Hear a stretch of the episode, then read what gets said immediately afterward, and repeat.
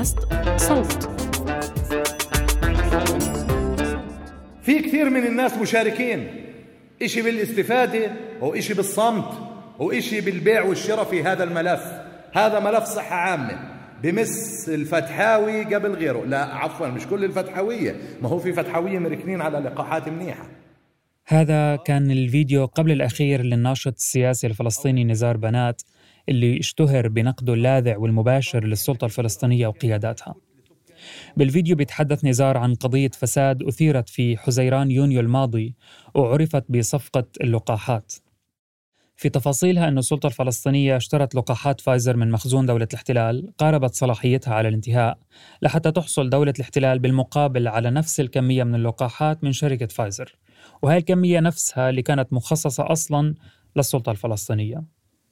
وزارة الصحة أعلنت إعادتها لاحقا لدفعة اللقاحات بسبب عدم مطابقتها للمواصفات المتفق عليها وقالت أن الصفقة أصلا جرت مع شركة فايزر مش مع دولة الاحتلال. المهم بينما كانت صفقة اللقاحات حديث الشارع الفلسطيني قتل نزار أثناء اعتقاله على يد قوة أمنية فلسطينية.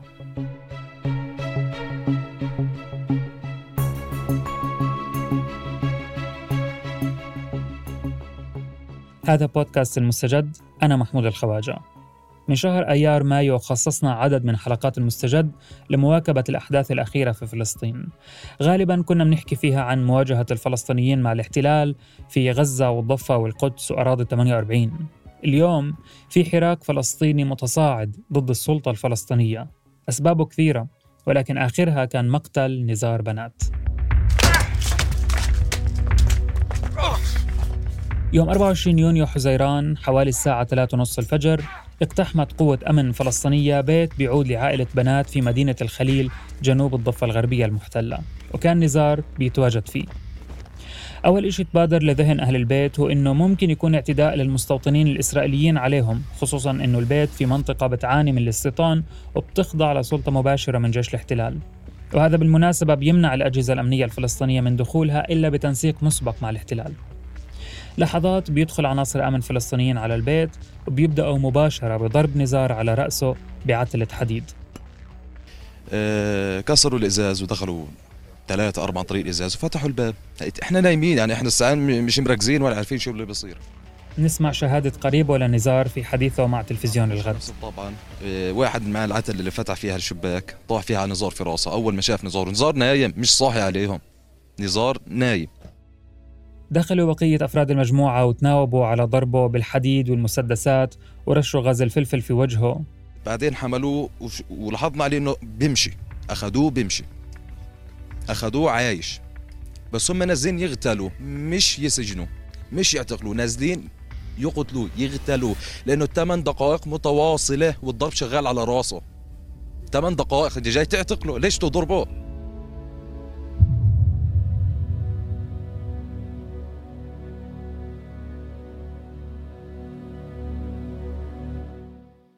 مش أكيد لحد الآن إذا كان في قرار بتصفية نزار بس الواضح أنه توفي بعد ما تعرض لهذا الكم من العنف أثناء اعتقاله.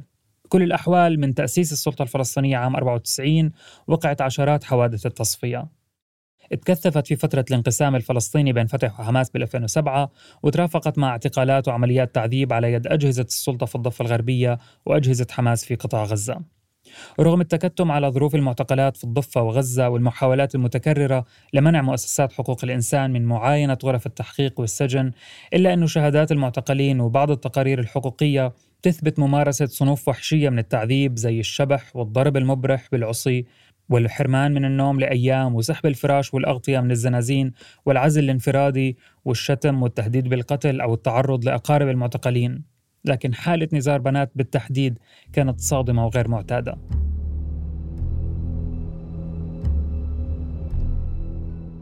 بالسنوات الستة الأخيرة احتجز نزار بنات وتقل عدة مرات وتعرض للتحقيق والتعذيب بسبب تهم زي قدح المقامات العليا أو ذم السلطة حسب المحامية ديالا عايش. مرة وثقت معه آه، حالات الاعتقالات تبعونه قال لي إياها.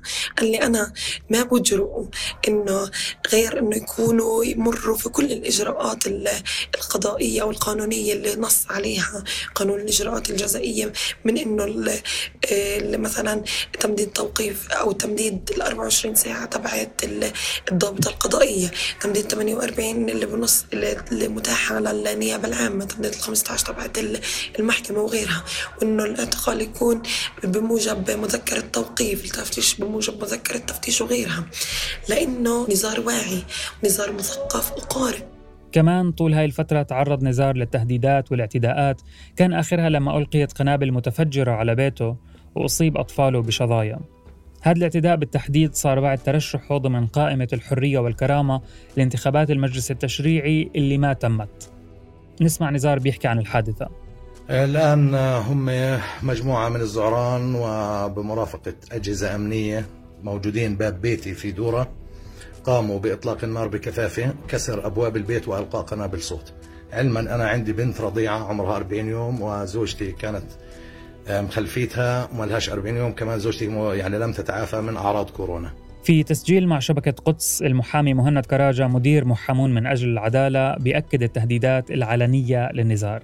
ممكن أن يكون آه، آه، قرار من بعض المتنفذين داخل الأجهزة الأمنية قرروا آه، إنهاء شخصية نزار بنات المؤثرة وهذا طبعا لم يكن غريب. هناك طبعا أشخاص متنفذين من الأجهزة الأمنية قبل اغتيال نزار بنات كتبوا بكل وضوح تمام؟ انتظر يا نزار بنات ما سيحدث لك. يعني كانت وهذا على الملأ وأمام كل الناس ولم يكن هذا الحدث سريا آه، هؤلاء الأشخاص لماذا اليوم لم يتم محاكمتهم؟ لماذا لم يتم عرضهم على المحاكمة حتى التحقيق معهم؟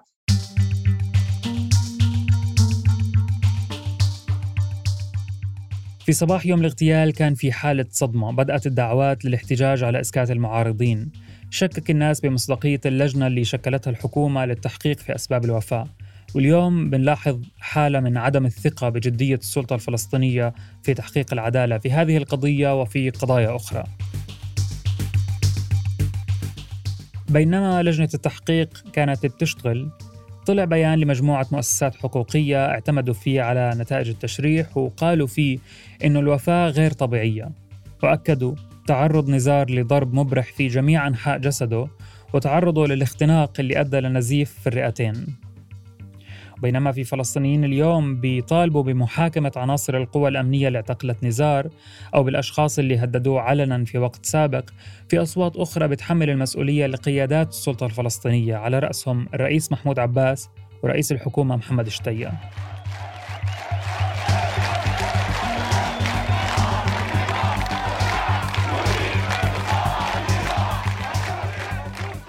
بدأت المسيرات المنددة باغتيال نزار بنفس يوم وفاته في عدة مدن فلسطينية. واشتدت حدتها مع قمعها على يد الأجهزة الأمنية بالضرب وقنابل الغاز والصوت.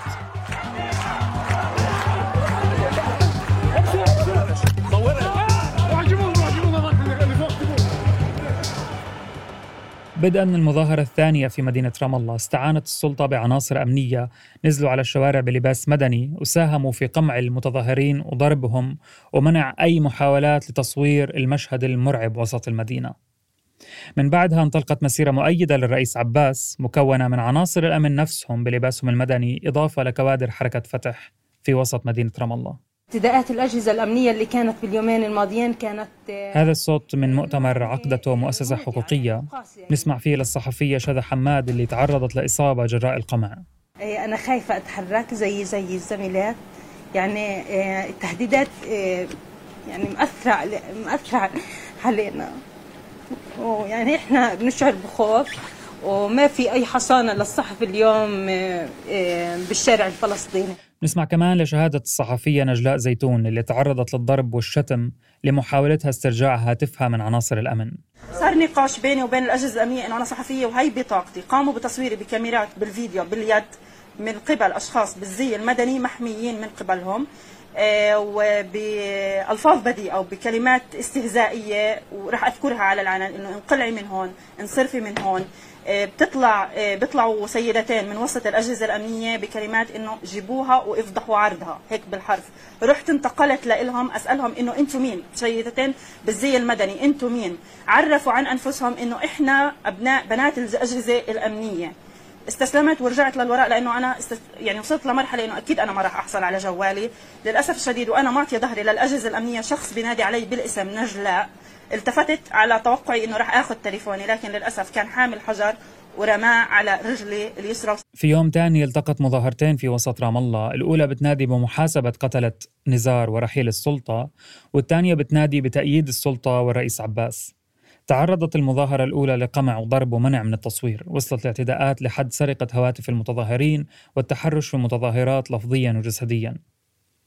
وبدأت حملات لتخوين وشيطنة المتظاهرين والمتظاهرات ووصفهم بأنهم أصحاب أجندات أصحاب فتن بيهددوا المشروع الوطني اللي بتقوده السلطة الفلسطينية. اتهامات جاهزة بنسمعها دائما حتى في سياقات عربية أخرى. اعتقل نشطاء وتوجه لهم تهم زي معاملة موظف بالعنف أثناء ممارسته لوظيفته بحسب المحامية ديال عايش. والشيء كمان الأخطر إنه اللي صار في مظاهرة 26 الشهر هي آه، ما كان العناصر السلطة التنفيذية هم اللي كانوا في المظاهرة. بالتالي لو حقيقي صار في اعتداء على موظف على يعني اعتداء على الموظف وما ما صار في احتكاك مباشر بعناصر السلطة التنفيذية حسب كيف شفنا بالفيديوهات وحسب كيف كنا موجودين في المظاهرة كمراقبين لحقوق الإنسان. المجموعة أخبرتني إنه هي كانت موجودة كمراقبه لحقوق الإنسان. أخبرتني إنه هي شافت الناس صار فعلا حقيقي في احتكاك بين الناس وال, وال يعني عناصر الفتح ومش العناصر السلطة التنفيذية. فأنت كيف بتوجه للناس يعني تهمة معاملة موظف بالعنف؟ فهو مش موظف سلطة أو موظف سلطة تنفيذية عشان توجه هاي التهمة. المراقبين الحقوقيين تعرضوا للضرب والاعتقال خلال المسيرات زيهم زي الصحفيين. مقاطع الفيديو اللي طلعت من هذيك المظاهرة كانت قليلة وقصيرة لأنه كل مرة كان يرفع فيها صحفي أو مواطن تليفونه ليصور كان ينضرب وينمنع. كان في محاولات لإعاقة وسائل الإعلام المحلية والدولية ومنعها من التغطية من قبل متظاهرين مؤيدين للرئيس عباس.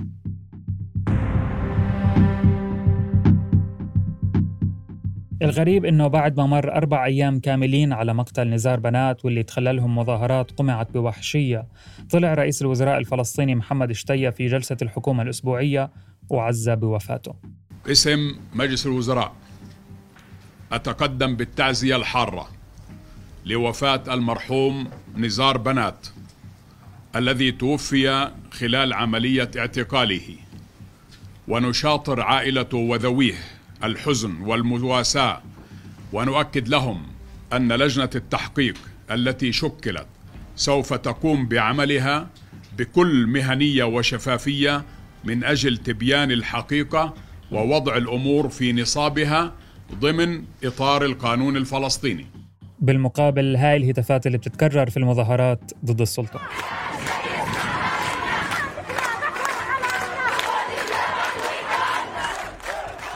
المتظاهرين والمتظاهرات والشخصيات الوطنية والحقوقية في فلسطين مش دائما بتلتقي بأهدافها أثناء مواجهتها لقمع السلطة الفلسطينية.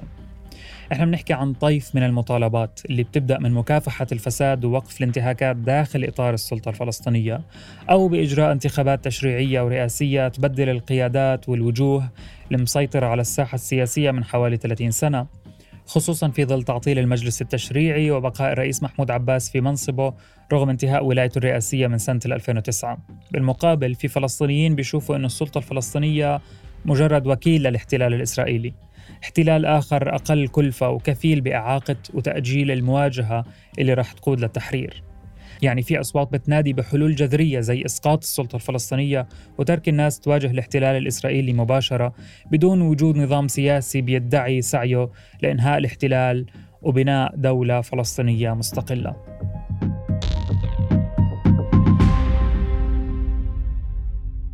قبل حوالي 20 يوم من قتله كتب نزار بنات على صفحته منشور بعنوان مراحل اغتيال السلطة لمعارضيها.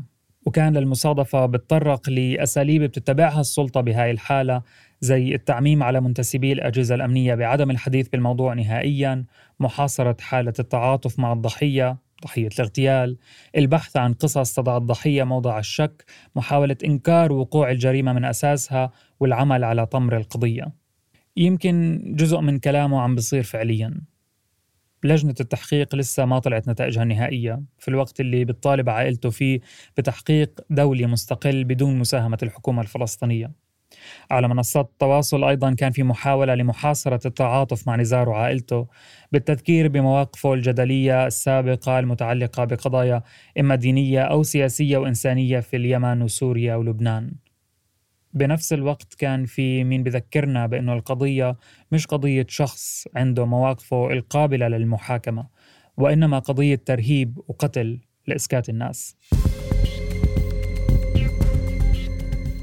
بودكاست المستجد من إنتاج صوت. كنت معكم في التقديم والتحرير محمود الخواجة. من الإعداد والكتابة سارة أبو الرب.